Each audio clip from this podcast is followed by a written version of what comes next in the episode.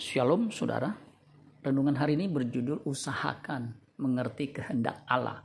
Efesus 5 ayat 16 sampai 17. Dan pergunakanlah waktu yang ada karena hari-hari ini adalah jahat.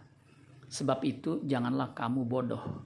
Tetapi usahakanlah supaya kamu mengerti kehendak Tuhan.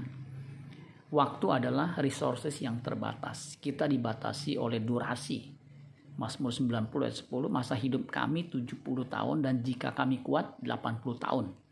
Dan kebanggaannya adalah kesukaran dan penderitaan. Sebab berlalunya buru-buru dan kami melayang lenyap. Selama durasi hidup kita yang memang terbatas itu, kita harus berusaha mengerti kehendak Allah. Karena kehendak Allah ini yang akan menentukan nasib kekal kita. Di kehidupan kekal itu tidak ada durasinya atau batasnya Itulah sebabnya di umur kita yang singkat, kita harus mengerti kehendak Allah untuk kita lakukan. Matius 7 ayat 21 sampai 23. Bukan setiap orang yang berseru kepadaku, Tuhan, Tuhan, akan masuk ke dalam kerajaan sorga, melainkan dia yang melakukan kehendak Bapakku yang di sorga.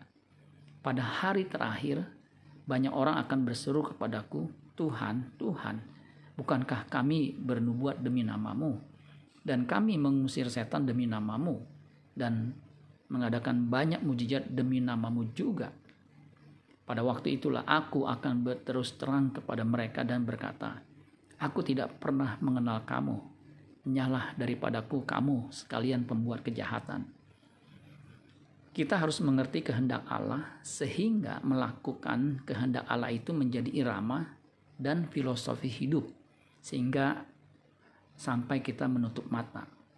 Yohanes 4 ayat 34 kata Yesus kepadanya, "Makananku ialah melakukan kehendak Bapa, kehendak Dia yang mengutus aku dan menyelesaikan pekerjaannya."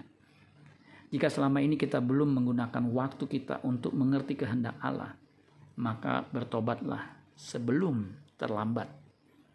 Amin buat firman Tuhan. Tuhan Yesus memberkati. Sola Gracia.